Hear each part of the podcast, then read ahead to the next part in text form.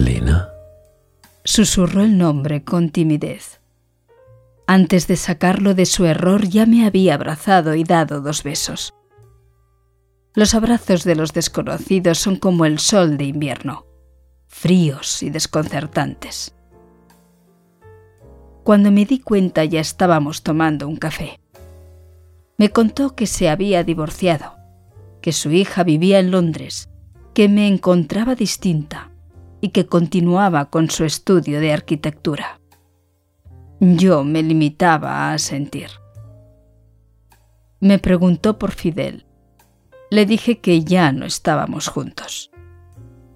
Afirmó que el pelo corto me sentaba bien.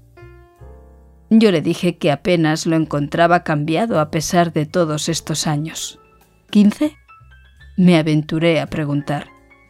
Veinticuatro, corrigió él. Durante un momento percibí la duda en sus ojos cuando los fijó en los míos. La Elena que yo había decidido ser esquivó su mirada e insistió en pagar la cuenta. En su hotel, nuestros abrazos ya conocían la misma rutina que la de los viejos amantes.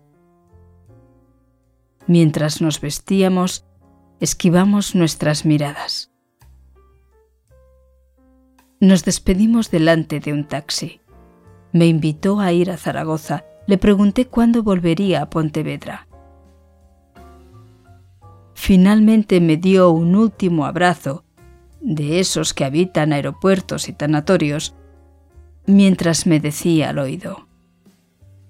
Me llamo Manuel.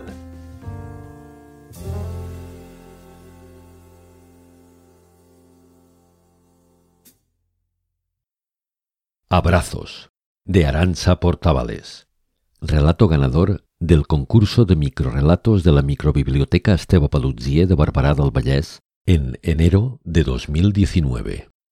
Grabación en alta.